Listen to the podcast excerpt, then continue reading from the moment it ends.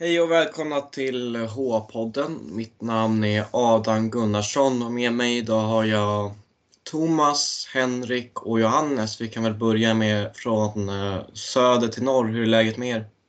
Det är bra tack eh, nere i, söder här tycker jag. Det har ju stormat lite här och, så över åsen och så men eh, det har lugnat ner sig lite och spänt fast lite på sändningar och så. Alltså. Men det, det, det är bra tack. Ja, det är bra här också i Västmanland. Eh, mätt och blåten, precis fått in både lite kvällsmat här och en semla. Det är ju fettisdagen idag så det är klart att man måste ha åtminstone en semla och den ligger i magen här nu så jag är mätt och belåten. Men det är bra med mig också. Det är väl som det är hockeymässigt. Det är inte så jävla kul att hålla på Modo just nu. Lite bitter eftersmak från fredagen fortfarande. Det blev märkligt. Två poäng men kändes ändå som en rätt stor förlust. Och jag tänkte, vi kan väl börja med att eh, beta av den diskussionen direkt bara. Och då, vi kan väl börja med Thomas och Henrik, ni som är mer neutrala. Vad ni tycker om situationen.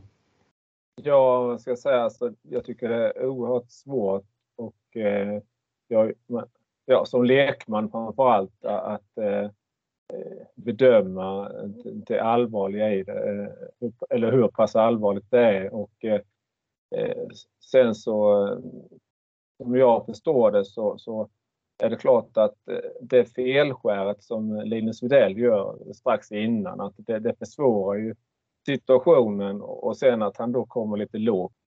smällen mot sargen blir, blir hårdare och kanske tar på ett annat sätt än vad den annars skulle ha gjort. Så att det, det, är, det är lite olyckliga omständigheter i situationen också. Så att, eh, och sen har jag väldigt svårt för att jag eh, är väldigt dålig på att göra sådana bedömningar hur pass lång, långa avstängningar ska vara. Eh, jag tycker på något sätt så det som missas i det här sammanhanget det är ju människan Linus Widell Eh, och det var ju otäckt liksom när, när han låg där på isen, ambulans till, tillkallad och allting och så. Så man får väl ändå säga klarade sig så pass bra, alltså människan Linus Widell klarade sig så pass bra ifrån situationen att eh, det är nu en utredning då för att se hur pass länge han eh, kan vara spelduglig igen då. Men ändå än en gång liksom att eh, människan Linus Widell klarade sig ändå så pass hyfsat? Ja, eh, jag sitter och tittar på situationen faktiskt nu fem gånger samtidigt som du pratar Thomas. Och först och främst otroligt olyckligt såklart. Sådana där situationer händer, för de händer med hockey. Det är svårbedömd situation kan jag tycka, alltså rent neutralt. Eh, jag tror inte att det är något ont uppsåt egentligen i själva tacklingen, men däremot det här felskäret som man pratar om. Jag vet inte om, om jag tycker att det syns så tydligt att det faktiskt är ett felskär han tar. Däremot så är det ju han fullföljer ju hela vägen in mot sargen där och ja, jag vet, det är jätte, jättesvårt att bedöma. Jag förstår ju frustrationen såklart bland Södertälje supportrar. Även om det är situationer som, eh, som ju i den här sporten vi följer inte går att, att undvika till 100 procent utan sådana situationer har inträffat förr. Det kommer hända igen, men ehm, väldigt, väldigt olyckligt. Sen kan man väl eh, tycka att om man ska jämföra den här straff, straffbedömningarna som som de gör från fall till fall så, så skulle nog jag gissat på att, att det skulle blivit några matcher till i avstängning. Det, det kan man nog tycka. Jag kan jämföra till exempel med, med Micke Frycklund här som blev avstängd tre matcher. Ja, han står på isen samtidigt som eh, Lukas Zetterberg tacklas in i sargen och reagerar och, och det blir ett rallarslagsmål. Han, han blir avstängd tre matcher för den situationen. Det är ju väldigt mycket lotteri över de här avstängningarna. Det, det, tror, jag, det tror jag att vi är eniga om allihop. Men situationen är olycklig. Jag trodde väl att det skulle landa någonstans mellan tre och fem matcher avstängning för det här. Även fast eh, det är mer en känsla jag hade. Jag har följt Hockeyallsvenskan i flera år men det är ju det som Henke säger, det, det händer tyvärr och det kommer fortsätta hända. Det jag reagerade mest på när jag slog slow motion bilden det är ju precis när han håller på att falla Niederbach att det blir som en extra tryck där mycket kraft kommer i smällen och då är ju Vidal i obalans och ungefär en meter från sargen och det är ju riktigt otäckt. Ingen vill ju se en spelare bli skadad. Sen förstår jag att det är mycket känslor som blir kopplat till också. Om man följer Södertälje Twitter så är ju 85 procent för dödsstraff just nu. Så att, mycket för att, eh, tror jag också, för att det är den absolut bästa spelaren i Hockeyallsvenskan som blir utsatt för det. Jag tror inte reaktionerna hade varit lika skarpa om det hade varit en fjärde Lines-spelare eller så. I alla fall emotionellt. Och det kan jag förstå. Det har diskuterats en del på sociala medier hur mycket det är Linus ansvar och vice versa. Eh, enligt Linus i alla fall så är det menar att han hamnar i ett sånt dåligt läge för att han blir hakad. Och jag tror att han syftar till att om man tittar på klippet så kommer Niederbach armar och klubba lite runt honom så fort han, är, han nästan är ifatt honom egentligen. Ja. Men, men visst ser det ganska positivt om man, hör, om man läst i alla fall att det är två matcher till att börja med och sen är det lite grann dag till dag. Det är, det är två matcher garanterat. Eh, men grejen är att de vet inte vad det är, varför han har ont. Det går nog inte att säga någonting om hur länge han blir borta.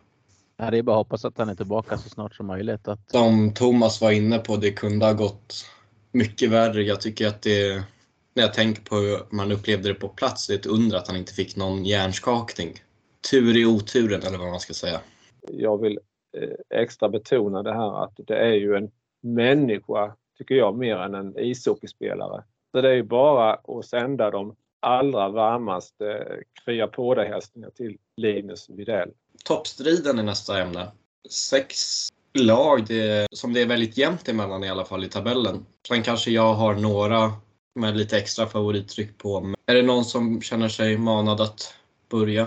Jag tänkte säga, ska vi som är neutrala börja där också eller? Ja, vi som är lite utanför den där toppstriden då. Ja, ja precis. För, förra året var vi ju med lite grann i alla fall på törn. Men... precis, precis. Det är klart att man funderar kring toppstriden så det går väl inte riktigt att komma ifrån såklart att, att Modos poängsnitt har sjunkit rejält här och är jag inte helt snett ute så har man väl förlorat fem raka nu. Att man har vunnit en av de sju senaste, kan det stämma Johannes? Två, två av de tio senaste. Två av de tio senaste till och med. Ja, jag trodde jag var mutad så jag försökte hitta knappen för att muta av men jag var inte mutad. ja, nej, men det var det riktigt jävla bedrövligt. Det är ju tajt där uppe nu. Inte som ett lag som Mora som inledde första halvan ganska sådär. Ja, jag vet inte. Jag för mig jag sa in, inför säsongen att Mora kan landa på play-in och de kan lika gärna segla iväg till SHL. Det, det, är ett oerhört svårtippat lag tycker jag år efter år, Mora, för de, de har oftast två ansikten. Sen är Björklöven, de smyger med lite grann. Nu är de ju närmare tre poäng ifrån Modo nu, så att det är klart att eh, rafflande avslutning. Svår, svårtippat. Det är inte bara att trycka på knappen heller för Modo, tror inte jag här nu. Thomas, vill du flika in? Stack Thomas. Jag vet inte. Han har inte strömavbrott i alla fall, för vi ser en bild uppe i taket eller vad fan det är. Han lyckas alltid missa den där kameran. Så jag får aldrig se Thomas, bara någon, någon, någon inredningsdetalj. Eller ja, men det är, det är alltid exakt den där, jag tänkte, den där vinkeln. Är vi helt ja. säkra på det där med strömavbrott? För sist då frös han ju verkligen. Ja men du, nu lämnar han. Tror vi Johan håller kvar det här? Ja det tror jag. Du kan väl fortsätta på Henriks tankar om Modo? Det är inte mycket att säga om att vi håller på att sjabbla bort den här första platsen. Och kollar man i tabellen och de matcherna som är kvar, antalet matcher tänker jag då, så det är ju tillräckligt för att vi ska kunna sjabbla bort både en andra och tredje plats, kanske till och med en fjärde plats. Väldigt svårt att föreställa sig. Alltså vissa matcher vi har spelat har, ju, har vi förlorat men spelat väldigt bra. Och vissa matcher har vi spelat otroligt dåligt och förlorat. Men det som lett till samma resultat oavsett hur vi har spelat. Och jag, jag tror att jag vill, jag vill inte tänka på vad vi har för poängsnitt. Det måste tillhöra bland det sämre i Hockeyallsvenskan. Jag kan ta reda på det om du vill. Ja, du kan göra det medan jag fortsätter att säga så här då att gå in med den här känslan i ett slutspel. Modo som var ett av favoritlagen kanske vid, vid jul, nyår där någon gång. På mindre än två månader har de gått i alla fall. Det är det sämsta av de topp sex lagen som finns just nu. I alla fall år 2023 så har ju alla andra lag i topp sex varit bättre än Modo. Ert poängsnitt senaste 10 matcherna är 1,10. Men jag har någonting positivt för dig. Ni har klättrat upp i 10% i powerplay-effektivitet. Det är det som kommer att avgöra allt. Modo till SHL. 10 PP-effektiviteten. Ni har haft väldigt låg skotteffektivitet senaste tiden. Bara 7% Ja, det har varit jätteproblem med målskyttet. Speciellt de matcherna vi har spelat bra. Man kan inte heller bara säga att man har otur. Man kan ju stå och skjuta utifrån hur mycket man vill och det är bara plockpotatis från målisen ändå. Så att... En fråga där, har, har man blivit för bekväma i den här serieledningen? Just nu så letar man som, som supporter alla möjliga förklaringar och en av de förklaringarna är just det att man kanske har blivit för bekväma. Kalin har ju varit ganska missnöjd i många matcher och tycker att man inte eh, är beredd att offra några blåmärken för att vinna matchen. Så att han är väl inne på samma sak som du. Jag skulle gissa att det började kanske med att man var bekväma. Jag tror inte man är det nu när lag börjar komma ikapp rätt ordentligt. Då är man väldigt nonchalant om man känner sig bekväm. Utan då tror jag kanske mer att det har gått över till en tuff mental utmaning. Men det ligger nog mycket i det du säger Adam, att, att det är klart att det tär på självförtroendet. Jag menar, vad var det vi pratade om i jul, nyår? Det var det nästan 20 poängs marginal. Men samtidigt så får man ju säga som så att det är ju ganska så. Det är ju inte ett jättemärkligt scenario kan man tycka många gånger. Många gånger blir det ju så där när man springer ifrån ganska snabbt också att man någonstans åker på en, en dipp. Sen kanske den har blivit betydligt både längre och större än vad man hade trott utifrån definitivt. Jag tyckte Modo första, första halvan av säsongen var totalt överlägsna. Det är sällan man har sett ett sånt överlägset lag egentligen. Sen har jag i och för sig sett 1-7 förluster och 1-6 förluster, men jag har ju sett Modo någon, någon match till givetvis. Jag tycker det de visade upp då så kändes det nästan som att SHL-platsen hade de åtminstone i, i sin ena hand där. Men, eh, men det svänger fort som Adam är inne på. Det är klart att, eh, att det övergår från, eh, från någon form av bekvämlighet till någon form av mental kamp. Men som sagt, det är svårt att trycka på den där knappen. Det är ingenting man bara, bara gör. 5-0 förluster, 6-1 förluster. Jag slängde in resultaten i Scania-rinken. Visst känns det som att Modo har allting att förlora i det här läget också? Det är de som förlorar första platsen. Det är de som kanske, medan lagen som jagar, om vi tänker Björklöven, vi tänker eh, Mora, vi tänker Södertälje. Det kan ju bli som en positiv positiv grej för lagen att känna att man, och jädrans, var ju hängt på första platsen i slutet av säsongen övrigt svårt att säga hur det är för laget, men om jag vore supporter, det jag skulle helst vilja se är att man börjar hitta ett förtroendeingivande spel igen. Det är liksom, även om det fortsätter se ut så här och man vinner serien med en poäng, det, det kommer inte liksom bara vara att trycka på någon magisk knapp när man börjar spela jättebra hockey för att det blir kvartsfinal. Nej, sen är det ju så också. Det är klart att de här värvningarna som har kommit under säsongen, det, det är inte så många. Jag vet inte, har man värvat? Är det, många är det på totalen? Är det tre spelare som har använt? Fyra? Men det är klart att eh, det är samtidigt tre spelare som har ändrat om hierarkierna lite grann. Jag vet att många säger det. Ja, hela tiden har ju Nick Halloran har man ju letat efter. Truppen, alltså forwardsplatserna var ju inte fulla när vi startade för att vi hittar inte den personen att starta med. Sen Vela är väl den som var bäst av nyförvärven medan Brickley är väl den som kanske har varit sämst. Jag har svårt att se så här långt senare efter att de har kommit in att det skulle vara som att man inte hade fått ordning på de grejerna. de har ju spelat ganska många matcher nu i Modo, Vela och Brickley i alla fall. Halloran är väl lite nyare. Ja, det är jätteliten omsättning, tre spelare in under en hel säsong. Så söndervärvat är det ju definitivt inte, men, men någonting, någonting såklart beror det ju på när man, när man tappar så här. Ja. Sen om det är en kombo av det plus såklart andra orsaker. Det kanske gick för enkelt första. Ja, det jag känner ibland är att det är sån enkel ursäkt att slänga till just att det ska vara söndervärvat och, och så, så liknande. Jag menar HV värvade typ tre spelare i veckan förra året. Mm. Björklöven och Mora, det känns nästan som de två hetaste SHL-kandidaterna just nu.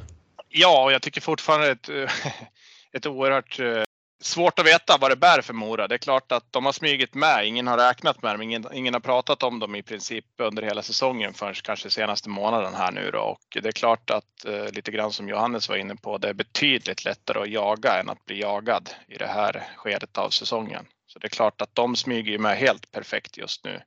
Sen är frågan om vart de, vart de landar in i tabellen när 52 omgångar är spelade, men det är, det är ju faktiskt så att de kan till och med kanske spela, spela in sig på en på en andra, andra plats. Till och med kanske vinna serien. Men jag, tror, jag tror inte de kommer göra det. Det är min slutliga gissning där. De har ju mött alla topplag. Ganska enkelt schema för dem nu på slutet. Och sen som de spelade mot exempelvis SSK i onsdags och vi var totalt överkörda spelmässigt i 40 minuter. Och det, det, känns lite som att de har bredare trupp nu än hyfsade backpar. Eh, sen en andra kedja med Micke Tinak och Sundberg, Heikkinen, Heinerö i tredje kedja. Ja, nej, det är svårt att säga. Men det är som du säger, det är klart att fortsätter de, fortsätter de vinna och vinna, då, då lär Modo snart börja hitta den där knappen i alla fall för att, för att börja ta poäng. Mm. Det går fort med det här trepoängssystemet. Deras sista matcher är Kristianstad, Västerås, den tar de lätt. Eh, Kristianstad igen, Västerås igen, Vita Hästen och... Ja, men samtidigt, de har också mycket att spela för de lagen. Så att... Bara för att poängen verkligen börjar bli viktig på slutet brukar inte bottenlagen kunna prestera någon magisk hockey direkt. Nej, jag menar lite innan som, som Adam att eh, bottenlagen har visat vad de kan. Men det dök upp alldeles nyss det vi pratar om. Statistikkoll tio senaste matcherna för hela Hockeyallsvenskan. Poängsnitt. Och där ligger Mora och eh, Karlskoga bäst till på 2,3 i poängsnitt. Tätt följt av Löven på 2,2. SSK 2 och Djurgården på 1,9. Där har vi topp 5 av topp 6 lagen och eh, vi hittar Modo före lag, eller på samma poängsnitt som, som eh, Västervik och Västerås på 1,10 har Modo och Västerås har 1 och Västervik 1. Moras form är ju väldigt bra men det är just det där laget som ingen, ingen pratar om. Karlskoga. Vem vill möta dem i ett slutspel? Jag tar dem gärna. Ja, ni kanske haft lätt för dem? Jag, jag har varit rätt dålig. Vi tappade en pinne. Ja, det är bedrövligt. Ja, men då måste ni välja ett annat lag. Om ni tappar en pinne då kan ni inte gå upp med det där. De har varit, eh, hittat någon form av form efter nyår. Sen eh, tycker jag inte, om man tittar på hur spelarna har presterat i exempelvis Mora så tycker jag att det ändå finns en hel del kvaliteter för att utmana om en SHL-plats. Jag ser inte riktigt att Karlskoga har den spetsen ändå. Jag har svårt att se Karlskoga längre än semifinal. Får jag dra några siffror här som jag tycker är lite anmärkningsvärda så kan vi prata om dem lite grann kring de här topp 6-lagen. Mora, de har ett PP på 45 procent sista 10 matcherna det här vi pratar om. Inte hela säsongen. Och Djurgården har ett PP på 40, nästan 41. Det tror jag inte man håller ett helt slutspel. Nej. Vi hade även där Lövens, deras boxplay är 66,7. Klart sämst av topp 6-lagen det känns som att det där är någonting de skulle behöva få komma till rätta med. Även om Djurgården har börjat ta några poäng, det är väl ingen bländande hockey de visar upp direkt. Eh, ja, Björklöven hade ganska stort spelövertag när de mötte Djurgården för några dagar sedan. Tre just nu har eh, favoritskapet på sig. För mig, Mora och Löven är de klart bästa lagen för tillfället och sen är det klart att om Modo hittar en toppform så är väl det laget att slå. Men om jag ska, och sen om jag ska prata om SSKs chanser så kanske jag höll dem på runt 10 procent med Videll. Och om han är borta resten av säsongen så halveras det minst. Ja du Henrik, vilka vinner serien? Ja, vilka vinner serien? Jag sa ju nyss att Mora inte kommer vinna serien. Får vi stå fast för det, här, kan inte ändra mig på 10 minuter. Jag tror att Modo reder ut det här. Jag tror de hittar den där knappen ganska snart ändå faktiskt. Jag tror att det står mellan Modo och Björklöven. Vad tror ni då? Vilka vinner serien? Eh, jag säger Mora. Eh, jag säger Löven. Kampen om att hamna på play-in-platser tycker jag inte är jätteintressant. Jag har en lyssnarfråga om det, så jag kan ta det senare. Men om jag tänker på vilka som ska göra Västerviks sällskap så svårt att se något annat än Östersund just nu. Nästa match då, då ska de alltså fara ner till eh, Karlskoga och tampas med dem på borta is innan de Ja, Karlskoga, Almtuna, ja. SSK, Vita Hästen, Almtuna igen, Djurgården. Ja, det känns ju som att de ska vinna sina kamper mot Almtuna och Vita Hästen. Det är där de matcherna de ska försöka ta poäng. Alltså spela lagen på sin nivå så ska de inte kunna ta poäng borta mot Karlskoga. Nu är Thomas med här. Nu är Thomas tillbaka och zoomar in på taket. Nej, nu fick vi se en klocka också. Samma gardin. Hallå? Ja. Hallå, hallå. ja, detta är sanslöst alltså. Vet... Du tajmar det ganska bra. Du, du missar gärna snacket om toppstriden och ja. tajma in er strid i botten. Är, är ni inne på den nu eller? eller hur, eh? Vi har precis börjat. Jag och Johannes konstaterat att Östersund är, lär hamna i, på sista playout-platsen. Ja, man kan väl inte räkna bort varken eh, Kristianstad eller Västerås i det här sammanhanget. Tyvärr får jag ju säga det som KIK-fans. Eh, och, inte minst nu, eh, det är lite märkligt det här spelschemat nu då. Både Kristianstad och Västerås möter Mora två gånger här nu på de sex senaste matcherna och alla vet ju vilket slag Mora IK är just nu så att det, om man vänder på det till toppstriden så har ju Mora IK ett eh, kanske på papper ett drömläge då kanske att till och med kunna vinna serien då. Jag vet ju inte vad ni har pratat om men alltså då, det, det finns ju de Mora IK-fans som drömmer om det att kunna så att säga, passera de lagen som ligger före och till och med vinna nu med tanke på att på pappret så har man ju det lättaste motstånd kanske då. Men det är ju på pappret. Det, det är en helt annan sak, inte minst att möta lag som, som strider för att vara kvar. Det är ju redan nu imorgon, onsdag, som eh, Mora IK kommer på besök, det första besöket nu idag. Jag gjorde ju en kalkyl här för ett tag sedan på Svenska fans då och eh, räknar kallt med att eh, Kristianstad IK blev lottlösa i den matchen. Att Kristianstad inte skulle ta särskilt många poäng överhuvudtaget på de matcherna som var kvar då. Och, och sen var det ju det här akilleshälen hela säsongen för Kristianstads del, eh, powerplay. Eh, uruselt powerplay. Karlskoga gjorde tre mål i, i powerplay. Kristianstad gjorde ett. Men det kom ju så att säga i 58 minuten tror jag det var.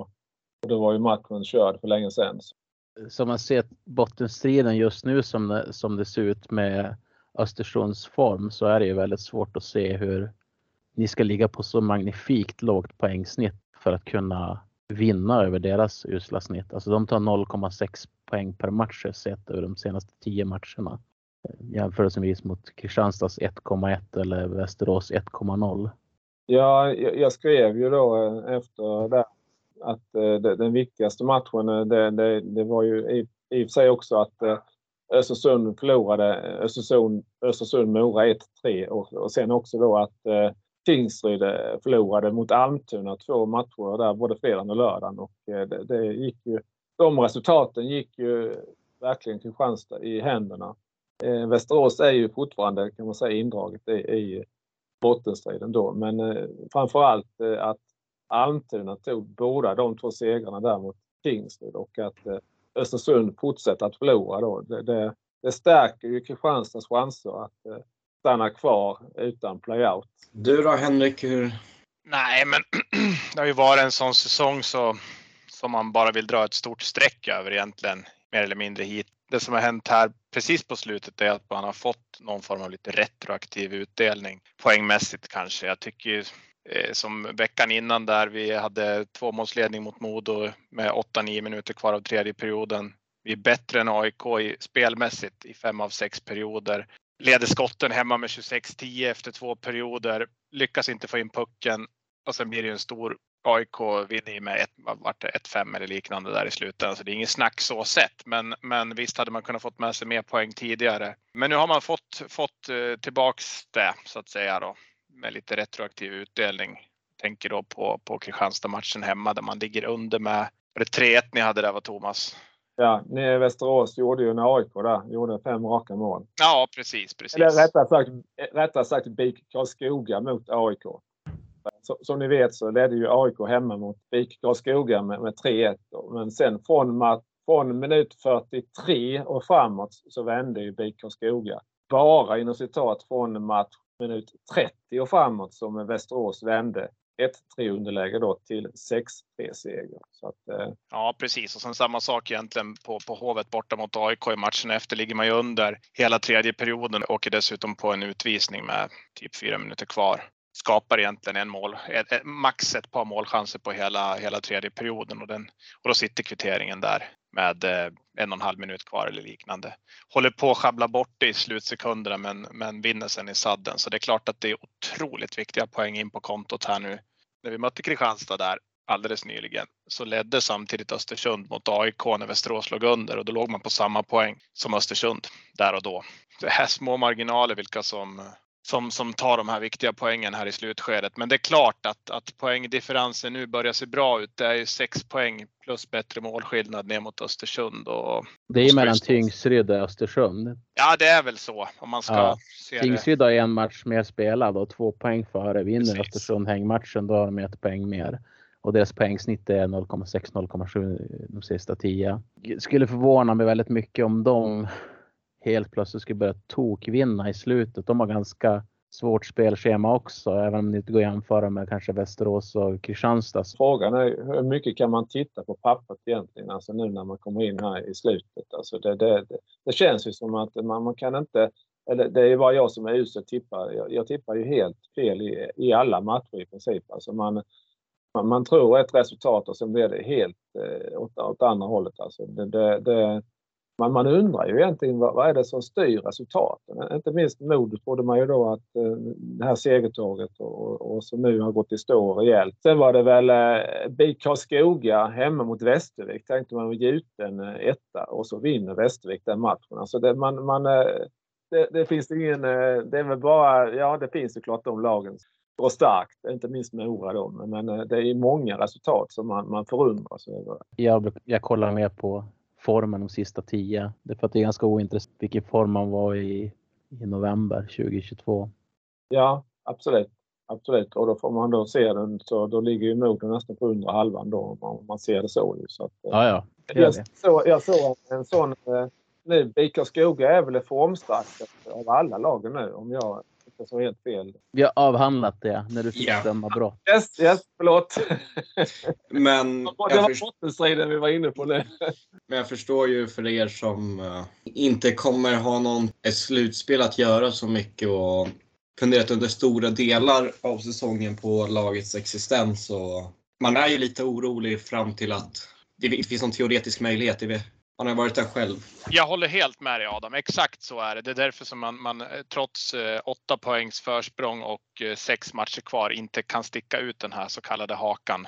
Trots allt, lite som Thomas är inne på. Jag vill inte heller säga att det är klart. Jag vill, jag vill, jag vill att det ska vara klart teoretiskt innan jag ser att det är klart. Sen, sen självklart, som i den situationen Västerås är i nu, det är klart att man vinner man imorgon hemma mot Vita Hästen, då, då är det definitivt dags att byta fot, försöka och, och nå en, en play-in-plats definitivt. Jag håller absolut med om att det står mellan Tingsryd och Östersund rent logiskt sett. Det ska bli något, något annat än de två lagen som hamnar där på näst sista platsen. Men vi ska låta det vara osagt någon dag till i alla fall. Jag, jag känner mig inte, och Kristianstad IKs vägnar, absolut inte säker. Tar inte ut någonting överhuvudtaget. Eh, Mikael Gart, eh, han, han sa ju i en artikel i Kristianstadsbladet här för ett tag sedan att 60 poäng brukar liksom vara eh, en magisk gräns. Når man 60 poäng då, då brukar man klara sig kvar i, i Hockeyallsvenskan utan playout.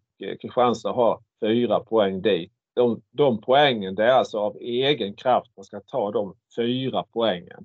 Man kan inte förlita sig på att Tingsryd slänger till två poäng eller att Östersund slänger till två poäng eller Västerås eller Västervik eller någonting utan det är faktiskt Kristianstad IK-spelarna som ska ta de här fyra poängen. När man ser hur Kristianstad IK-spelarna, AIK-matchen, när man går fram till 5-0 på 13 minuter och sen då hur man sen presterar mot Västerås matchen efter. Det, det, är liksom, det, det finns liksom inte någon logik överhuvudtaget. Ja, alltså det, det, det går inte överhuvudtaget att säga hur en match som Kristianstad IK spelar ska sluta. Det är summa summarum, de här fyra poängen, de ska på något sätt tas in. Sen kanske det räcker med, med mindre än 60 och det kanske krävs mer än 60, men det brukar vara Mikael Gart, han brukar ha koll på läget eh, i många sammanhang. Så att det, det brukar vara den här magiska gränsen med 60 poäng. Jag kommer inte ihåg hur det var förra året Adam. Hur många, kommer du ihåg hur många poäng eh, Södertälje tog då? Det, nej, det var 50 någonting om jag kommer ihåg rätt. Jag vet att det tog typ två månader för oss att komma upp i det den här säsongen. Så.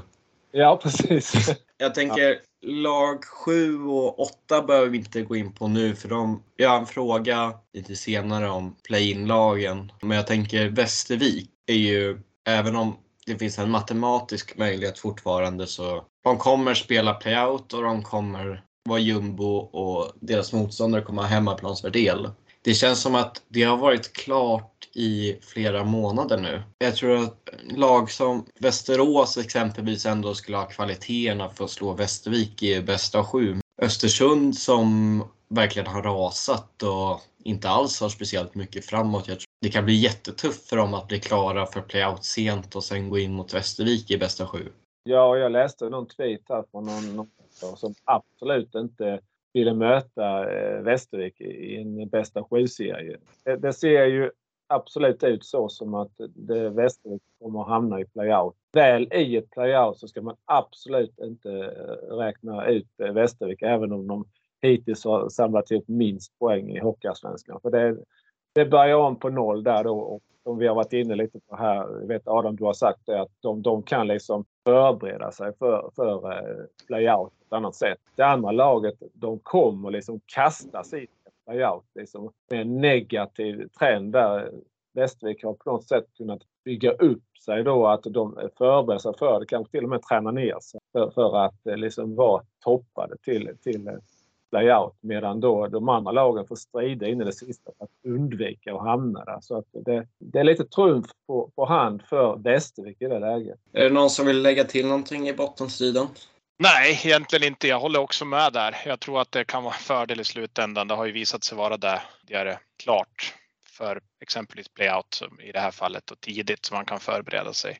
Sen får vi väl se då om det blir ett drama in på 52 omgången eller om det är avgjort någon omgång tidigare där. Johannes ser ut att vara beredd att gå vidare. Vi har haft omröstningar om MVP på vårt Twitterkonto. Vi nämnde åtta olika spelare förra avsnittet och då blev det att ett litet slutspelsträd med omröstningar på vår Twitter. Kvartsfinalerna var första Johan Persson mot Daniel Ljunggren. Johan Persson vann med 69% av rösterna. Kvartsfinal 2 Gynge mot Carl Lindbom.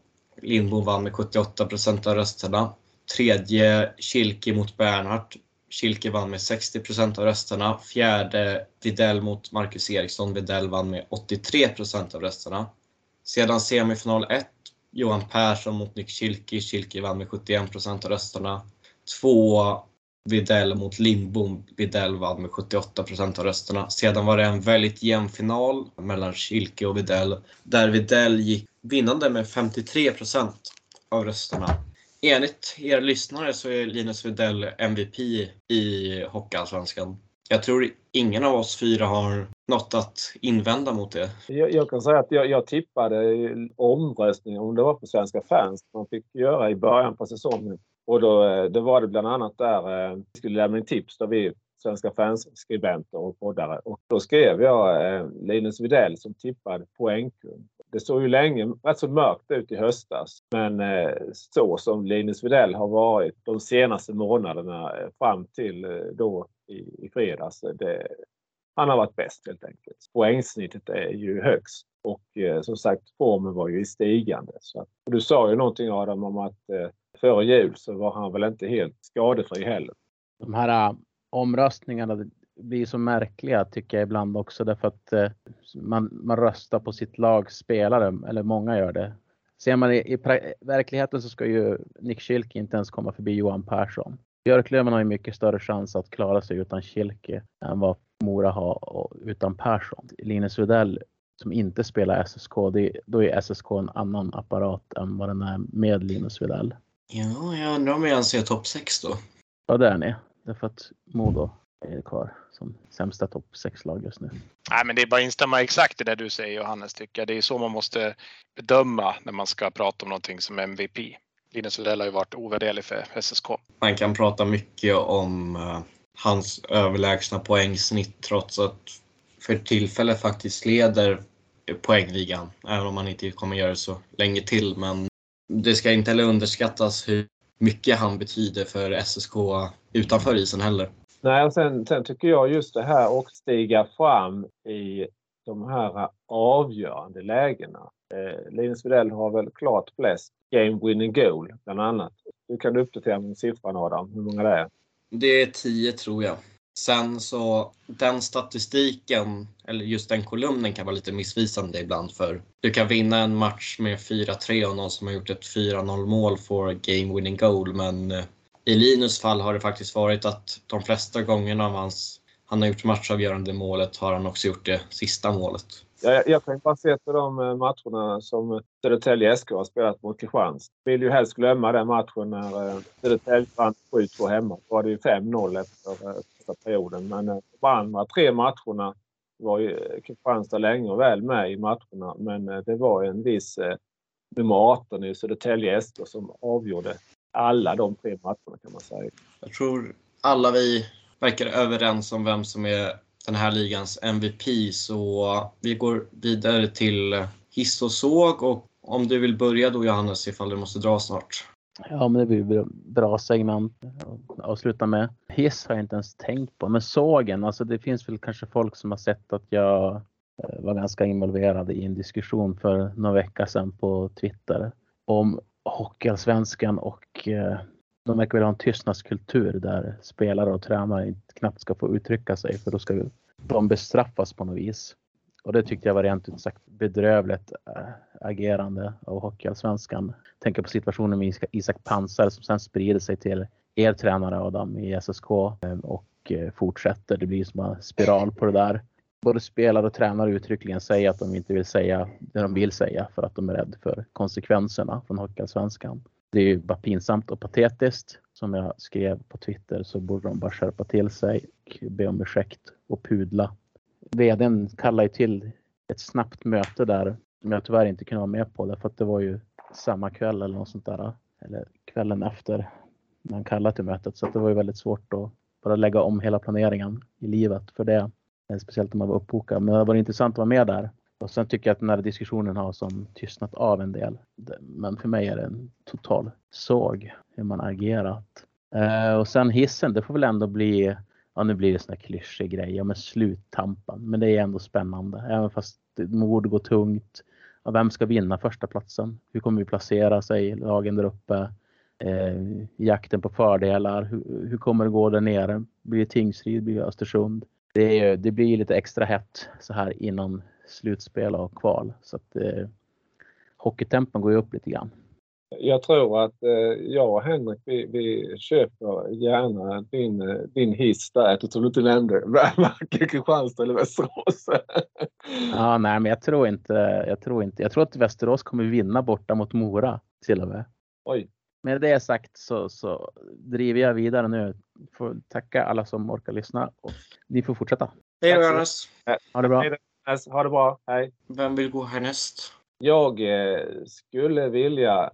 Det finns, tycker det finns mycket man skulle vilja hissa. Eh, men men jag, jag, tycker det är så trevligt med det. Jag associerar till det som vi håller på nu och, och prata hockey. Och eh, jag skulle vilja hissa eh, de här poddarna. Eh, jag, jag, nämner två som jag lyssnade på igår. Det finns fler. Men eh, både Radio 1970 och Eh, Kempis Corner eh, som jag med stor glädje lyssnade på för ett härligt sätt att ta till sig information som nu inför då förbereda sig inför den eh, podden som vi skulle spela in idag. Radio 1970 de eh, har ju dels en genomgång av alla matcherna som har spelats under veckan och tittar lite på lagen och sen bjuder de in en gäst nu senast så var det Mora IK-experten och, och eh, supporten Erik Norin. Då fick man ju mycket information om Mora där. Så att, och eh, sen Kempis Corner som jag lyssnade på här nu. Det var ju då en eh, kamrat här i HR-podden, Peter Kempe, intervjuade Henrik Gradin. Mycket eh, intressant och lyssnad eh, podd. Så har ni inte lyssnat på den så gör gärna det. Henrik Gradin tycker jag bjuder på sig själv. Han säger lite, förklarar duckar inte för några frågor som eh, Peter Kempe kommer med där. Så att man får en liten inblick i hur han tänker och hur han är som sportchef. Och, ja, jag tycker det var mycket bra och intressant. Radio 1970 är alltid intressant. Så det får bli en hiss till de två poddarna framför allt. Dissen blir kort och gott Twitter när det är som sämst. Det har det varit nu i samband med den här händelsen då mellan Theodor Niedermach och eh, Linus Widell det är så låg nivå på det här så att man skäms som support att läsa. Känner du dig redo att dra någonting Henrik? Jag är lite inne på samma linje som Johannes. Jag har inte heller någon riktigt, riktigt bra hiss den här gången. Eh, man kan väl ändå prata lite grann om där vi är nu, slutet på februari. Varenda match börjar betyda hur mycket som helst egentligen. Poängen är lika värdefulla i november som i februari och mars men, men eh, nu, nu ska allting avgöras och samtidigt så kommer solen tillbaka och vi, vi går mot lite ljusare tider så att det tycker jag kan vara värt att, att lyfta. Och sen är det ju bara att hoppas då. Jag skrev en krönika här för några veckor sedan när jag skrev att det kanske hade varit enklare om man hade samlat på kottar eller frimärken eller liknande. Nu vill jag inte såga de som, som tycker om det. Det är ett intresse det också, men eh, vi söker ju en annan typ av spänning eh, uppenbarligen vi som, som följer det här. Samtidigt som, som det för vissa kan vara den absolut jobbigaste tiden nu när det, när det drar ihop sig mot negativa kval och så vidare så är det ju samtidigt en jätterolig tid. Sluttampen man har av säsongen och slutspel. Så det tycker jag ändå kan vara värt att lyfta. Eh, jag har ingen bra såg heller egentligen. Jag har inte förberett så mycket där, men jag, jag, kan, jag, kan, jag kan tycka lite grann. Det blir lite brett här nu då, men eh, är det inte mycket, mycket tjafs inom svensk hockey? Är det inte ganska mycket som man behöver ta tag i känns det som? Jag tänker på det här med bedömningar som jag varit inne på. Även, även andra grejer, men det, det, blir, det blir lite för brett kanske att ta upp här och nu. Men, men, men just det här med seriesystemet, liksom att många klubbar som, som drömmer om att, att få fira framgång här i april, men det är bara en plats öppen mellan SHL och Hockeyallsvenskan och helt otroligt nog så är det bara en plats öppen för 40, kan ni rätta mig om jag har fel, 48 lag i hockey, Hockeyettan. Det är någonstans där. Och samma sak det här med bedömningar som sagt, offside i målgård. Det är för mycket som är, det är för mycket som är som är oklart. Man tittar på vissa händelser på isen och som den här tacklingen vi pratar om. Det är, det är svår, svårbedömt såklart med tacklingar, men, men samma sak de här videobedömningarna efter mål. Man vet inte. Man, man, man ser någon repris på tvn, två, tre stycken och det, det, det känns som ett lotteri om man ska döma mål eller inte. Så det, det är lite för brett kanske för en, för en såg, men det är ändå någonting som kan vara värt att belysa. Absolut Henrik. Jag skulle bara säga, jag vet inte, det kanske någon av er vet, det här med eh, situationsrummet. Är, är det samma människor som sitter i det alltid eller är det olika som sitter där eh, varje spelkväll? Säga spelkväll då, eh, SHL och HR-kväll och så eller, eller hur är det med det? Framförallt är det väl ingen som vet vem som sitter där så vitt jag förstår. Väldigt höljt i dunkel vilka som faktiskt sitter där. Är det någon som vet någon? Det kanske vore bättre att de stod och kommenterade ibland istället för domarna. I Kristianstad var det ju ett mål som blev bortdömt. Jag vill inte säga om det var, om det var rätt eller fel, men, men eh, det var ju så att säga domarna på isen eh, dömde mål och det var jubel och allting och sen så, sen så påkallades, påkallades domarnas uppmärksamhet från situationsrummet och det ledde till att målet dömdes bort. Då. Eh, men sen så var det, såg jag ju då på, ja, Twitter igen, men det, det, finns ju faktiskt bra exempel på Twitter med. då såg man eh, en, en händelse, en, en, liknande händelse från, från en annan match där, där eh, då också en spelare var i målgården, men, men där det då är, målet godkändes. Men, så man, man, tycker liksom det här med situationsrum, alltså vad, vad jag vet, det, det, det är så många parter som ska vara inblandade i det här och det tar massa tid och det, det är det, det, är, ja, jag skulle vilja sammanfatta det med det som Henrik sa.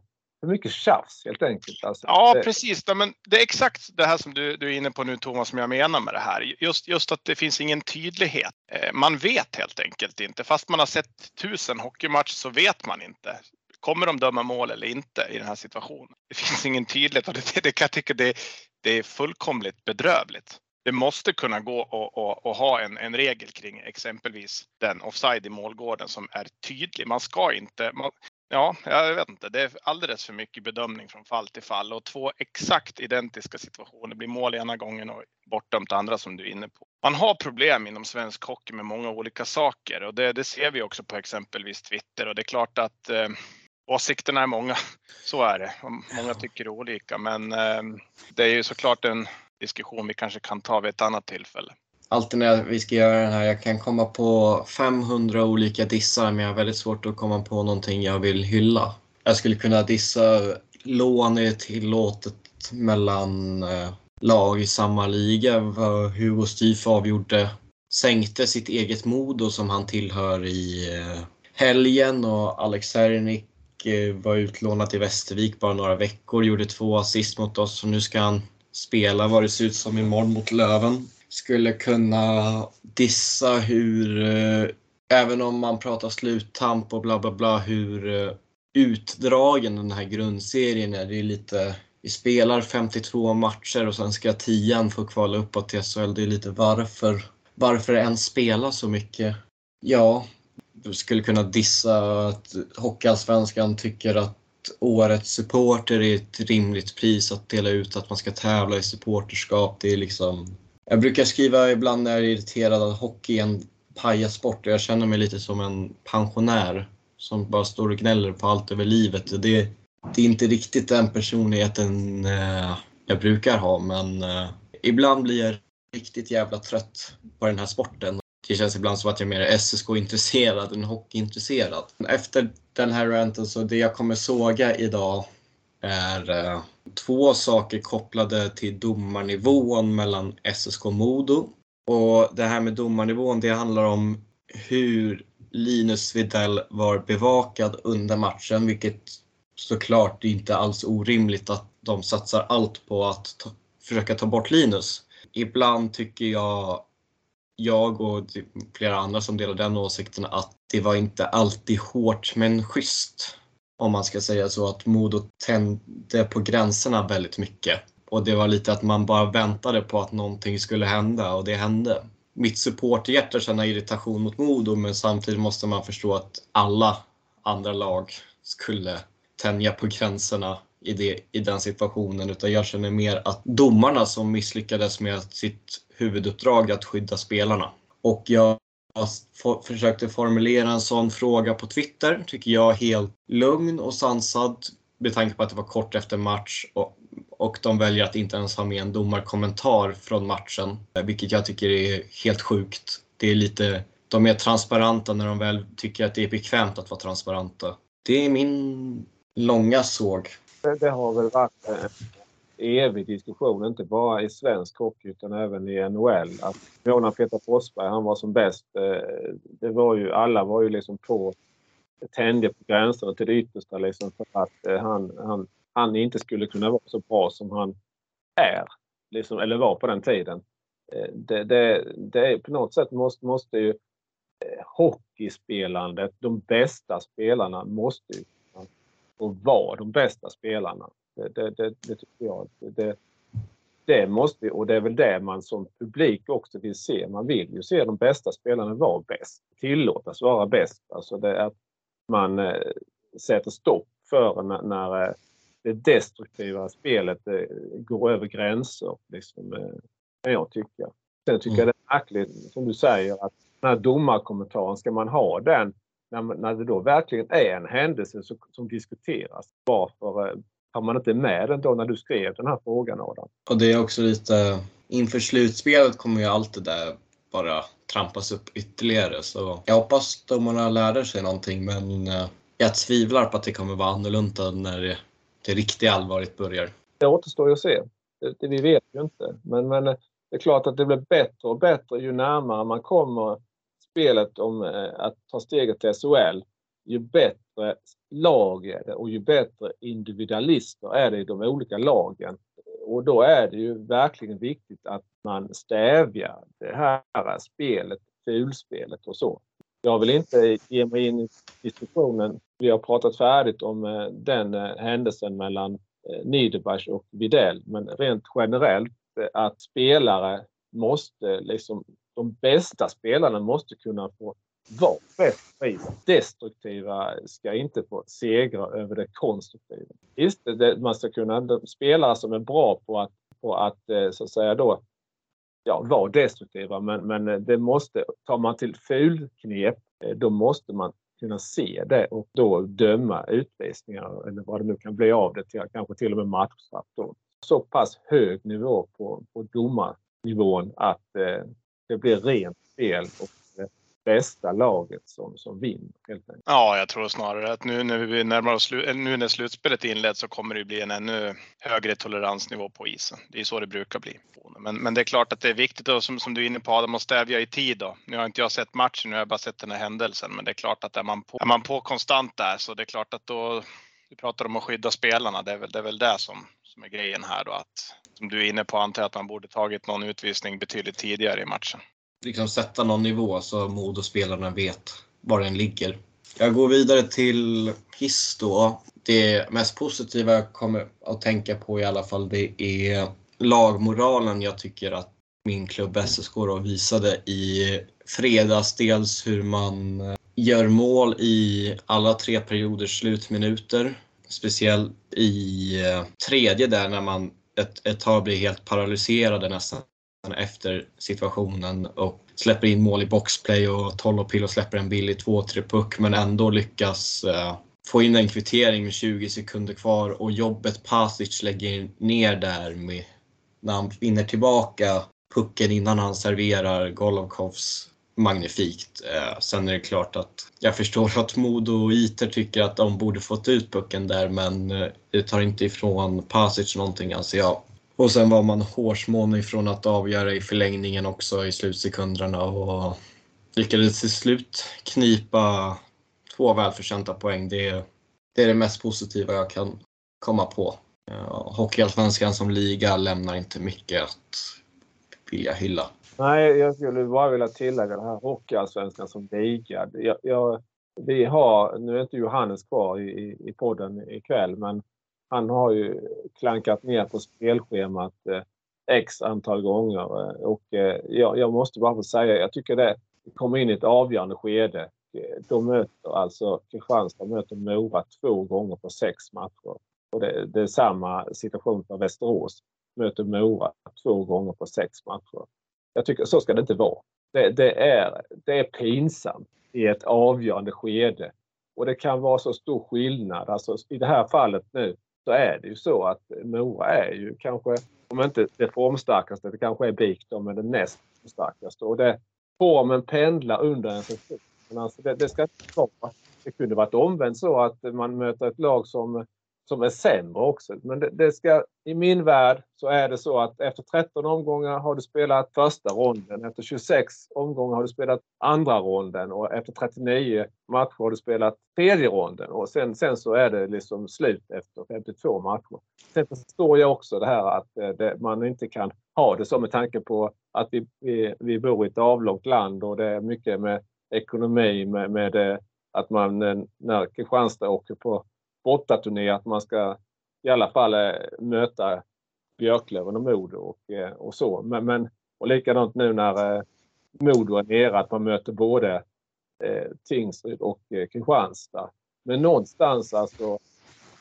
Nej, jag tycker det är riktigt, riktigt uselt spelschemat här på slutet. Är det bara jag eller känns det som att man nästan, om det är så förbannat svårt att få till ett schema med 52 omgångar, nästan att man kunde halvera antalet matcher, bara möta varandra två gånger? Nej, dit vill inte jag.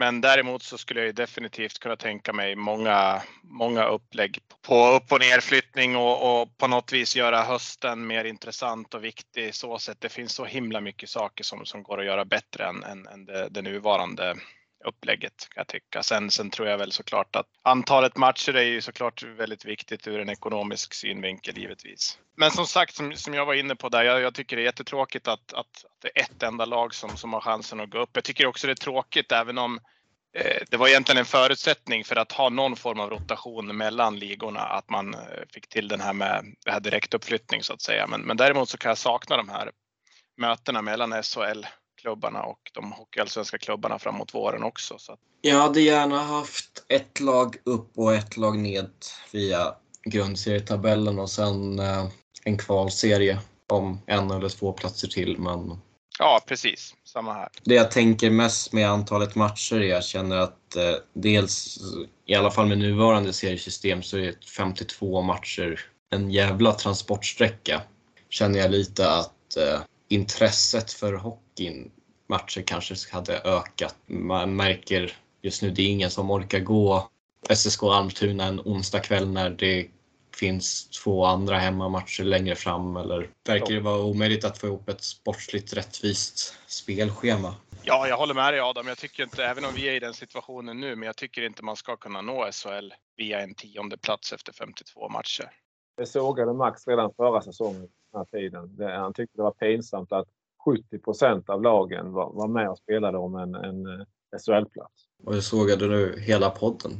Ja, ja precis. Det, nej, nej, men det, det är liksom ena sekunden så är man med och strider om att kanske till och med undvika att hamna i playout och sen så har man resultaten med sig. Framförallt nu när det är så jämnt där i, i botten så, så, kan man vara med och, och i förlängningen eh, ta, spela i SHL man säsong. Det, det, är lite, det är lite absurt.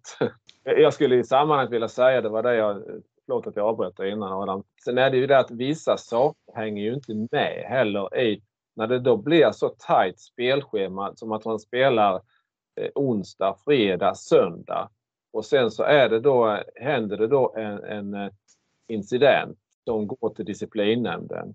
Då har man ju som disciplinnämnd målat in sig ett hörn när att eh, om man inte har sammanträde då Ponera nu matchen spelas på en onsdag och nästa omgång spelas fredag. Om man då inte, om det då blir ett disciplinärende av det, man blir anmäld till disciplinnämnden och eh, disciplinnämnden inte hinner sammanträda eller ta ett beslut innan fredagsomgången. Då är ju spelaren redan avstängd. Då har man målat in sig i ett hörn att då, kan, då, då har ju spelaren i fråga redan blivit avstängd i en match. Då kan, då, du kan alltså inte fria spelaren. Hur ska man då göra? Spelaren kan ju inte få tillbaka den här matchen som han, han egentligen skulle eh, fått spela men som han var avstängd i väntan på, på utredningen skulle, eller ett beslut skulle komma. Det blir lite barockt. Väldigt många dissar vi hade ja, idag. Ja, men det är också då inser man ju som, som var inne lite på där att man kanske borde någonstans tillbaks till ritbordet och faktiskt eh, diskutera de fem, sex viktigaste punkterna framåt för svensk hockey. För det är ju väldigt mycket som, som uppenbarligen väldigt, väldigt många som följer den här sporten inte tycker funkar. Det var bättre på 80-talet. Fyra lag till semifinal bara. Matcher slutade oavgjort. 36 omgångar. Ja, alltså jag minns ju den här tiden då när, när vi lirade i elitserien då när man åkte ner till allsvenskan fanns ju inte som, som en serie från hösten utan allsvenskan bildades ju på, på våren efter jul där när de två lägst placerade lagen i elitserien spelade allsvenskan efter, efter jul. Eh, jag kommer inte ihåg hur många klubbar det var från ja, division 1 då, som det hette då, näst högsta ligan. Och det är klart att då har du kniven på strupen i varenda match där på höstsäsongen. Nu är väl kanske det inte genomförbart i i, i dessa tider med arenor som bokas långt i förväg och så vidare och, och, och, inte ens veta vilken serie man ska tillhöra efter, efter jul. Men det är klart att vi är ju inne på någonting här. Det är klart att det finns ju många varianter och den här ensamutredaren som ägnade åratal åt att komma fram till det bästa sättet att gå vidare för svensk hockey. Det, det är ju... Jag, jag, jag kan lova att inte vara en supporter i alla fall. Det känns som att sådana här beslut kanske vi har ju en hockeysupporterunion nu. Det är värt att lyfta, absolut. De kanske skulle vara involverade i det för det är ju deras kunder, som de säkert kallar det, som ska betala för spektaklet. Ja, men det är precis som du säger Adam, en, en, en match en, en onsdag kväll i november för, för er del kanske hemma mot Tingsryd säger vi. Det, det är klart att mm. det är svårt att få lapp på luckan där. Matchen i sig betyder ju inte speciellt mycket där och då. Sen det är klart att när man summerar poängen här framåt mars, då är det såklart varenda poäng är precis lika lika värdefull. Men, men där och då i omgång 18 kanske så, så är det väl väldigt svårt att locka den här så kallade marginalpubliken och det är väl det för att det är ju ett enda långt, en enda lång transportsträcka in mot slutspel. Ett slutspel där 10 av 14 lag i slutändan går till. Ju mer vi pratar om det desto mer förvånad blir man att det här är någonting som har tagit flera månader att komma fram till och som säkert klubbats igenom av flera olika människor. Efter århundradets längsta sågningstillfälle går vi vidare till lyssnarfrågorna. Två frågor, den ena om toppstriden, den har vi redan den andra är nog riktad till dig Henrik. Har det vänt för Västerås med två starka vändningar? Blickar de mot slutspel eller är det att undvika kval som gäller fortfarande? Alltså jag vill ju vänta en match till då, minst, med att, med att säga någonting som jag var inne på tidigare. Vi möter Vita Hästen imorgon. Vinst där, då, då törs man väl nästan kunna bocka av att vi ska kunna nå hockeyallsvensk status även om jag vill inte jinxa någonting som vi varit inne på. Jag, jag vill ha det matematiskt klart. Men eh, det är klart att, att man måste försöka blicka uppåt också, självklart. Vi ligger ju på en play-in-plats just nu och det här tränarbytet har ju gett eh, en viss effekt. Så absolut, vi, vi skulle jättegärna ha Modo i en, i en kvartsfinal med den formen de är inne i nu. Fågel Fenix, som jag var inne på förra podden. Nu har det vänt. Nästa fråga är från Björklövsvägen. Skulle gärna vilja veta hur beslutsprocessen är i disciplinnämnden och var hittar man motivering till beslutet? Tänker förstås på Glader som av kommittén inte fick coacha sitt lag. Skandal. Tre utropstecken. Tog den det här eh, frågan, fast jag tog väck slutet där, var lite fin i kanten där och eh, skickade ett meddelande till på Twitter då, direktmeddelande som vi använder i HR-podden. Gabriel, till Gabriel Monidell, VD, ligaorganisationen Hockeyallsvenskan. Han brukar ju vara rätt flitig på Twitter och jag har skrivit till honom tidigare på ett svar men eh, den här gången så fick jag inte något svar från Gabriel Monidell så, så vi, vi får väl eh, så säga, vad vi vet själva. Tyvärr så tänkte han eh, sitter inne med expertis där eller kan hänvisa vidare till, till de som kanske vet. Tyvärr så, så, så fick vi inget svar den här gången.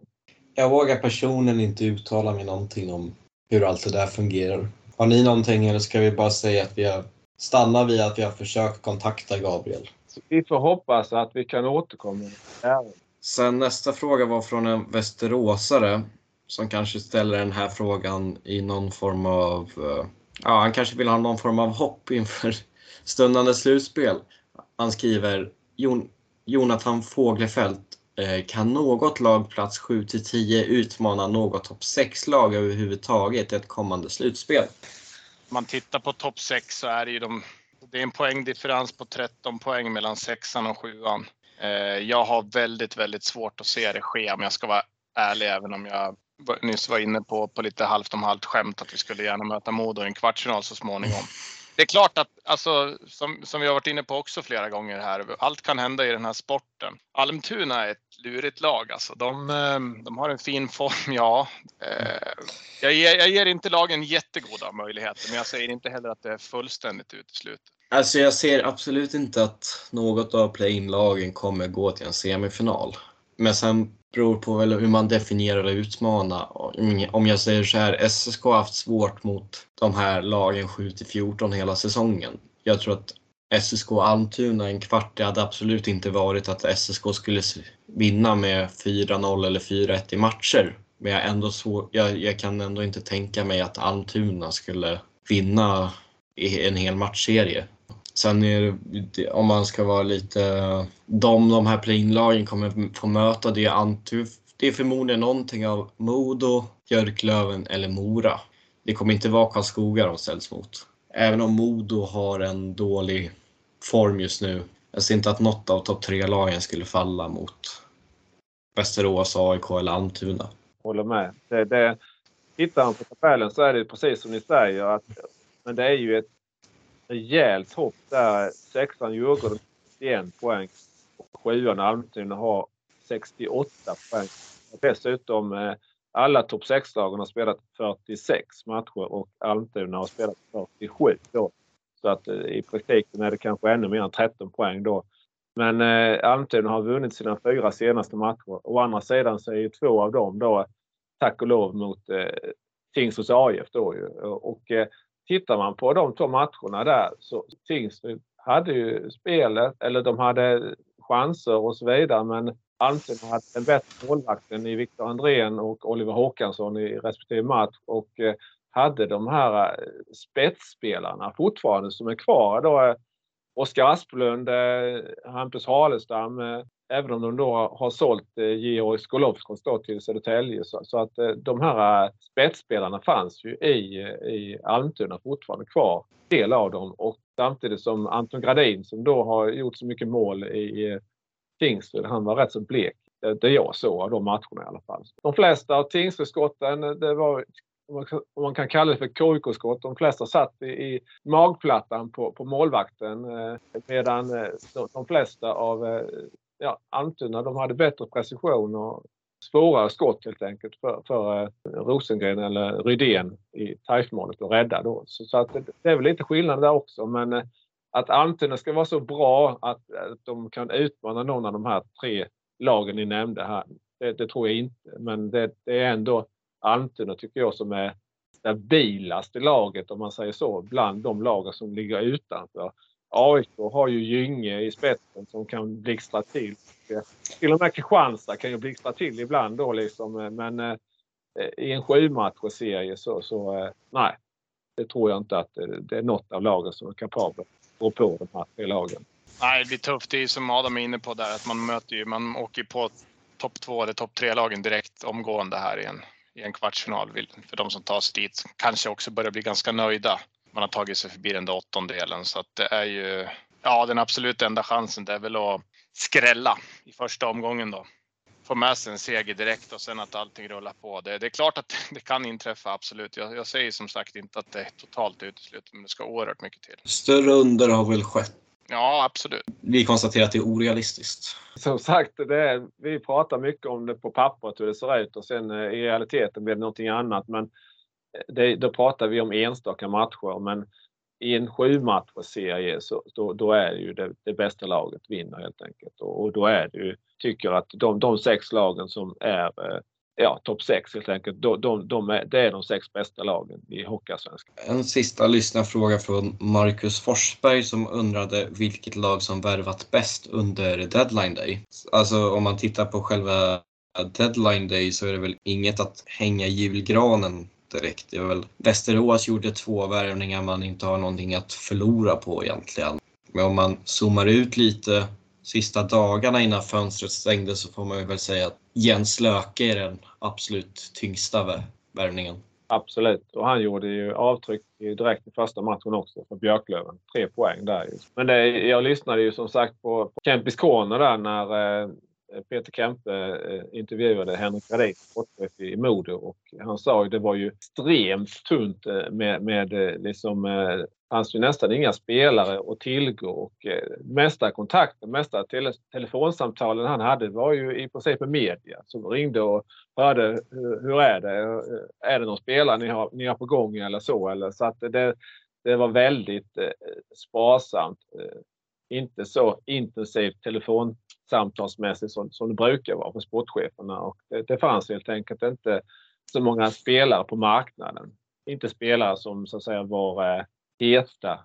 Det fanns inte så mycket för de här lagen som ville spetsa sin, sin ja, nu hittade ju då Björklöven eh, Löke då i, i Finland. Men eh, i övrigt så Björklöven hade ju ett tag trodde, ja, det gick ju ut rykten om att eh, Axel Holmström också skulle komma till Björklöven, men så blev det ju De spelar väl dessutom ihop i samma klubb där Vasa, eller Sport heter det, Sport i Vasa. Men eh, Jens Löke, det, det räcker ju säkert långt få in den spelaren. Så det, det är väl den vassaste.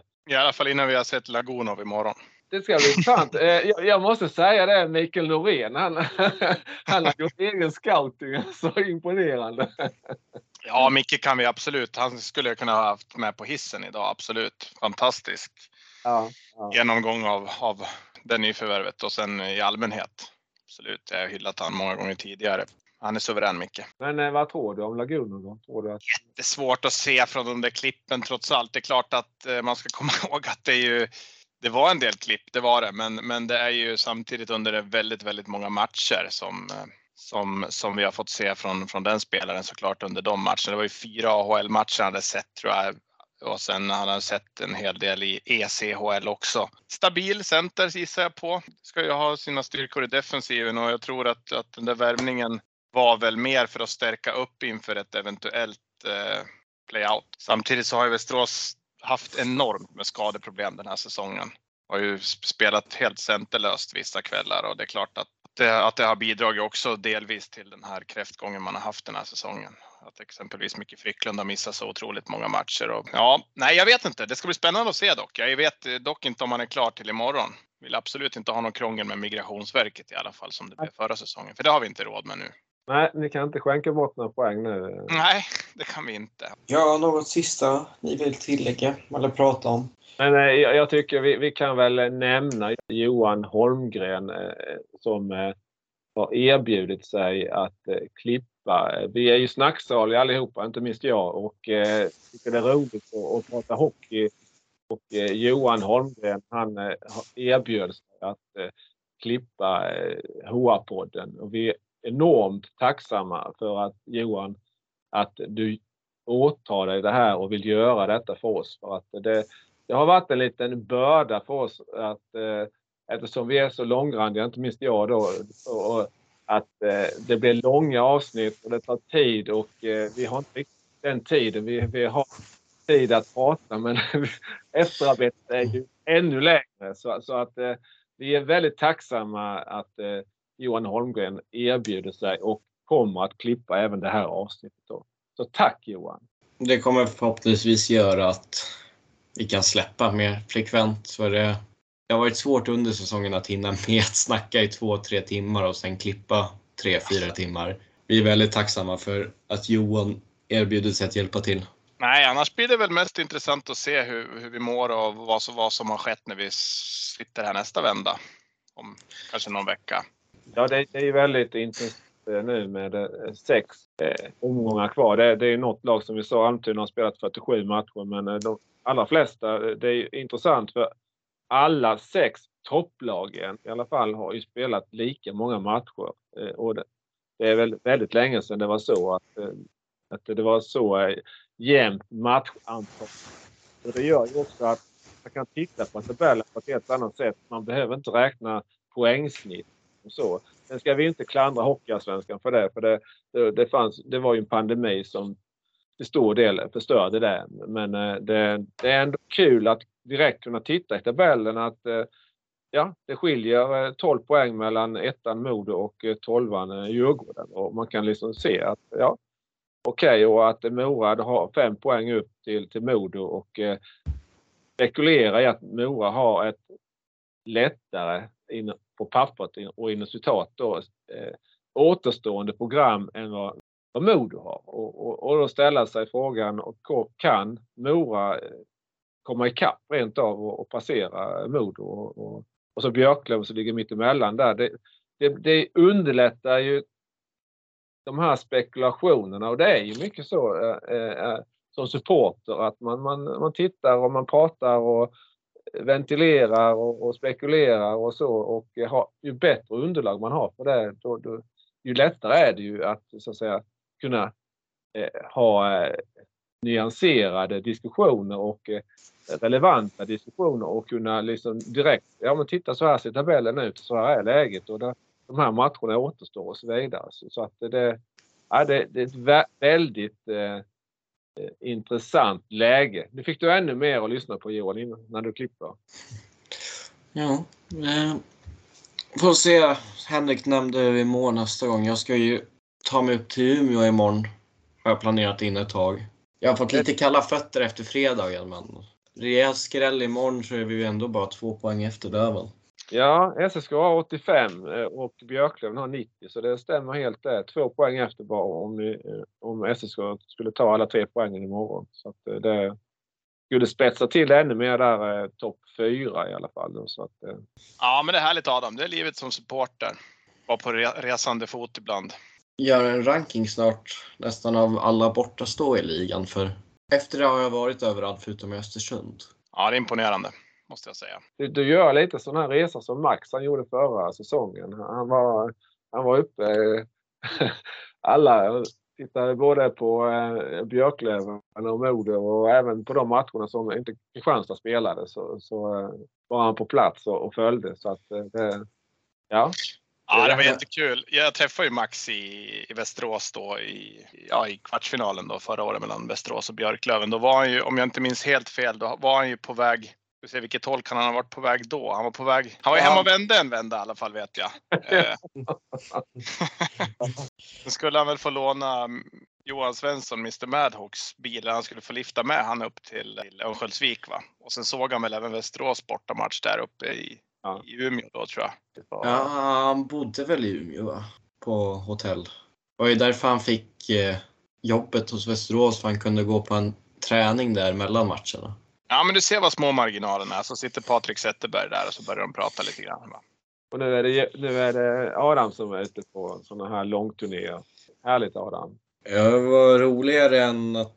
Det är roligare den här säsongen än vad det var att åka var fyra gånger till Ljungby på två veckor. Ja, ja precis. Så vi ja, mötte dem i omgång 52 också. Och sen fick du åka några gånger till Norrköping med där i sluttampen. Ja, den säsongen glömmer jag gärna. Nej, jag förstår det. Nej, men det är livet som supporter. Jag var, eh, jag var ju till Uppsala här och hälsade på min syster som bor där. Eh, låg och tittade på Vik SSK i efterhand för jag tänkte jag kan inte komma dit och, och sätta mig och titta på TV det första jag gör. Jag brukar försöka se allt när det händer, men jag satt, låg och tittade på soffan. Jag tror matchen var slut vid halv två för min del, där någonstans på natten. Eh, SSK kvitterade med 25 sekunder kvar. Fantastiskt roligt att gå och lägga sig där. Sen åkte jag ju själv till Gränbyhallen på, på lördagen, hade 1-1 inför tredje perioden, åker på en, ett baklängesmål där och torskar. Så det var ju så här jättekul och där och då så kände jag faktiskt att vi åker ner. Men, det, sen, men sen vänder det och det, det, det är just det här med, med hockeyn. Alltså det är så små marginaler och man vet aldrig. Det är kul när det går bra men det är fruktansvärt jobbigt när det går dåligt. Det tror jag vi alla kan skriva under på. Ja, det var väldigt fina straffar du fick se i alla fall i den matchen. Mm, och ganska många också. Det är sådana där stunder man funderar på vad man håller på med. Så är det Förra säsongen i Västerås som vi hade gjort ett sånt sent mål, det hade ju liksom inte märks kanske så värst mycket, men det var ju stort avgrundsvrål från ena kortsidan där när 3-3 kom. Så det blir en helt annan energi också att följa laget när det går bra. Om man alltid följer laget, inte bara för att resultaten såklart är bättre, men eh, det blir en helt annan upplevelse när även om man inte gillar medgångssupportrar så är det mycket roligare när de är där. Ja, men exakt. exakt. Och, och på samma sätt så blir det ju motsatt då när, när det där målet sitter, kvitteringen sitter där med 25 sekunder kvar. Man har varit med om det redan 15 gånger den här säsongen. Man blir inte förvånad även om man blir precis lika besviken och irriterad. Ja, men det är väl just det att man, man eh, även om ens lag leder med ett par, tre mål så, så kan man aldrig slappna av. Man vet att det, det kan komma eh, Ja, det här som nu, nu senast då när, när, i, i ABB Arena när Kristianstad ledde med 3-1 eh, halvvägs in i matchen och, och sen så vänder då Västerås och vinner med 6-3. Man, ja, alltså man, man vet ju om att det har ju hänt innan så att det, man, man kan liksom, man kan inte slappna av, kan komma snabba mål jag tror aldrig man känner sig trygg med att ens lag kommer vinna en match, även om man är topp fyra eller botten fyra. Sen är det såklart att ångesten blir tio gånger värre om man är med om det sistnämnda. Någonting jag har tänkt är ju om man nu, så att säga, KIK leder i början av tredje perioden och så tittar man, då tycker man klockan går jättesakta. Och, och sen så släpper KIK in ett par mål där och så Uppsala-laget går upp i ledningen. Och helt plötsligt så så går klockan så himla snabbt. och det är ändå samma period. ja, det är konstigt. Ja, nej, vi får väl se. Vi får väl hoppas att vi klarar oss både du och jag, Thomas, den här gången. Som läget ser ut nu i tabellen så, men eh, jag har absolut inte räknat bort någonting. Som jag sa innan, eh, Kristianstad ska helst ta eh, i alla fall fyra poäng och eh, det är av egen kraft. Man kan inte lita på eh, andra lagen fullt ut kan inte lita på att eh, inte eh, Tingsryd ligger fyra poäng efter bara och att eh, Östersund ligger sex poäng efter. Det är alltså trepoängssystemet. Eh, På segrar för Östersund så är det samma, samma poäng som eh, Kristianstad. Så att det, det, och det är trots allt sex matcher kvar att spelas så att Kristianstads del. Så att det, det är... Eh, nej, tar absolut inte ut någonting i Vilken jävla skillnad i den här podden eh, nu jämfört med förra av säsongen. Kanske undantag för det här avsnittet. Men förra året var KIK hade sin mest framgångsrika säsong någonsin. Modo låg tvåa. Västerås var topp sex. Alla var taggade på slutet medan jag var satt som bara mådde dåligt under inspelningarna. Men nu är det både ni och Västerås och Kristianstad i bottenstriden och Modo håller på eller gör ett av de största tappen någonsin nästan. Ja, och för din del Adam, det är bara att drömma på nu här. Sen, sen gäller det såklart att ha fötterna på jorden också, men, men samtidigt så Ja, precis. Vi pratade, pratades vid eh, halvvägs in i säsongen. Då, då var ju Modo nästan klara för SHL. Det var väl allas känsla, men, men nu, nu lär ni slå vakt om den här eh, viktiga fjärdeplatsen, för det, den kan vara oerhört viktig en kvart. Men jag, jag har känt jag tippade oss topp fyra inför säsongen och kände att det skulle, kunde kanske gå till semifinal men inte längre. Och det är väl den inställningen jag haft hela säsongen. Så jag tror inte på något mirakel kanske, men eh, jag, jag, jag tror vi SSK kanske har, har lite lättare än de övriga lagen på topp 6. För, I alla fall för min del, det känns som man bara njuter av att ångesten från förra säsongen är helt borta. Och det är, man märker själv att en förlust förra året kunde man gräma sig över i en vecka men eh, jag ska inte säga att man kom över det fort i år men det är liksom att det känns helt okej okay dagen efter. Om, om, man tittar på det nu så är det ju eh, Mora och SSK som är, eh, då är Kristianstad och Västerås då, den här säsongen. Och de andra fyra lagen är ju samma som förra säsongen. Även Mora, som sagt, Erik Norin han sa ju då i den här intervjun med Radio 1970 att eh, han drömmer om att Mora ska kunna sluta etta då. Så, så att eh, mirakulöst nog sa han nog att de skulle, men alltså chansen finns det absolut. Men, men i alla fall att det, det är ju eh, förra säsongen, det var ju Mora in i det sista med och tampades om den här sjätte och sistplatsen i, i Max eh, topp 6-sport där. Det, det var lite för Kristianstads del så var det in och ut rätt så mycket där eh, på slutet och eh, jag kan väl säga så här att förra säsongen så var ju Kristianstad glada att kunna få åka med den här topp 6-båten med Västerås och de andra lagen. Men den här säsongen så vill ju varken Kristianstad eller Västerås åka med den här playout-båten i alla fall. Så att det, ja. Definitivt inte. Nej, det är en vidrig upplevelse. Var den är i de nedre regionerna. Så, så är det. Det är, ehm, det är konstigt egentligen hur det kan bli som sagt. Vi, vi låg väl femma, sexa där någonstans i början av november när drevet drog, drogs igång där att, att allting var alldeles åt helvete höll jag på att säga spelmässigt och man såg ju att det någonstans inte skulle hålla för en topp 6 plats. Men, men att det skulle bli så här, det, det, det trodde man ändå inte. Och, och det ser man också hur oberäknelig den här sporten är som vi följer. Men du fick ju en fråga där Johan, eh, Henrik, eh, om det hade vänt och eh, du svarade lite diplomatiskt där tycker jag. Så att, eh, Ja, men det blir ju så. Man, man, skulle ju vilja ta ut svängarna och vara lite mer eh, positiv och optimistisk. Men eh, jag vill över den där 60 poängs spärren som Gat pratade om. Det känns som på något sätt som ert läge.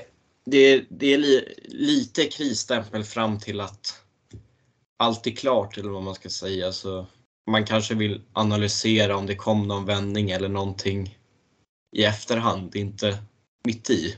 Nej men precis så. Exakt så faktiskt. Jag tror att man får ta det. Skulle, skulle det ske en vändning nu om man vinner fem av de här sex matcherna som är kvar. Det, det, är klart att då, då kan vi någonstans både blicka uppåt och kanske titta bakåt vad, vad som egentligen hände. Men, men när man är mitt inne i det så är det, är det svårt. Det är klart att man kan hoppas på en play-in-plats, men hade någon frågat mig för eh, en dryg vecka sedan om, om jag hade köpt att 52 omgångar var över nu och man, man landade på i ingenmansland så hade jag tagit det direkt. Man för att när bara... man väl åker på en sån här skitsäsong då, då gäller det att rädda, rädda det som räddas kan. Nej, men man kan ju bara se, vi spelade in förra podden, det var några dagar innan eh, transfer deadline där och eh, då sa jag ju att nej men Almtuna är inte klara. Liksom. De, de kan, de eh, har ju varit med om att de kan dippa och så vidare. Men eh, jag kommer ihåg framförallt Johannes, han var ju rätt övertygad om att eh, vi får nog dras med Almtuna nästa säsong också. Men, nu, man, nu, nu, nu, blandar du ihop oss här Thomas igen. Ja, ja okej, okay. Säg, säg det, det det var. Nej, det var jag som sa att vi nog får ja. dras med Almtuna. Johannes, Johannes, Johannes är den sista som skulle ge upp på att Almtuna klarar kontraktet. ja, men jag tror att han ändå liksom tyckte att de var på rätt så säker mark. Eh, men, men, det var du som sa så. Förlåt Adam. Men i alla fall, tittar man nu då eh, med facit i hand så har Almtuna tagit fyra raka segrar och liksom är ju det laget som, eh, som vi pratade lite om här. Är det möjligen Almtuna som skulle kunna kanske vara och nudda vid och, och kanske kunna utmana någon av de här sex lagen då, topp 6-lagen. Så att man, man ser hur snabbt det kan svänga ändå liksom med, med några segrar. Framförallt när det är trepoängssystem då. Jag undrar hur Johan känner. Jag tror han tänkte när vi var runt 1.25, 1.35 in i inspelningen att det nog snart skulle vara slut. Men nu är vi uppe i 2.12. Det är kanske dags att avrunda. Det är bara tjuter som det är. Men, ni får ju vara glada att jag var inte med där ett tag. Så, så att det är du får tre timmar nu. För Johans skull så tackar vi er alla för att ni har lyssnat. Så önskar vi er en fortsatt trevlig dag. Ha det bra. Hej då! Ha det bra ja. Tack så mycket.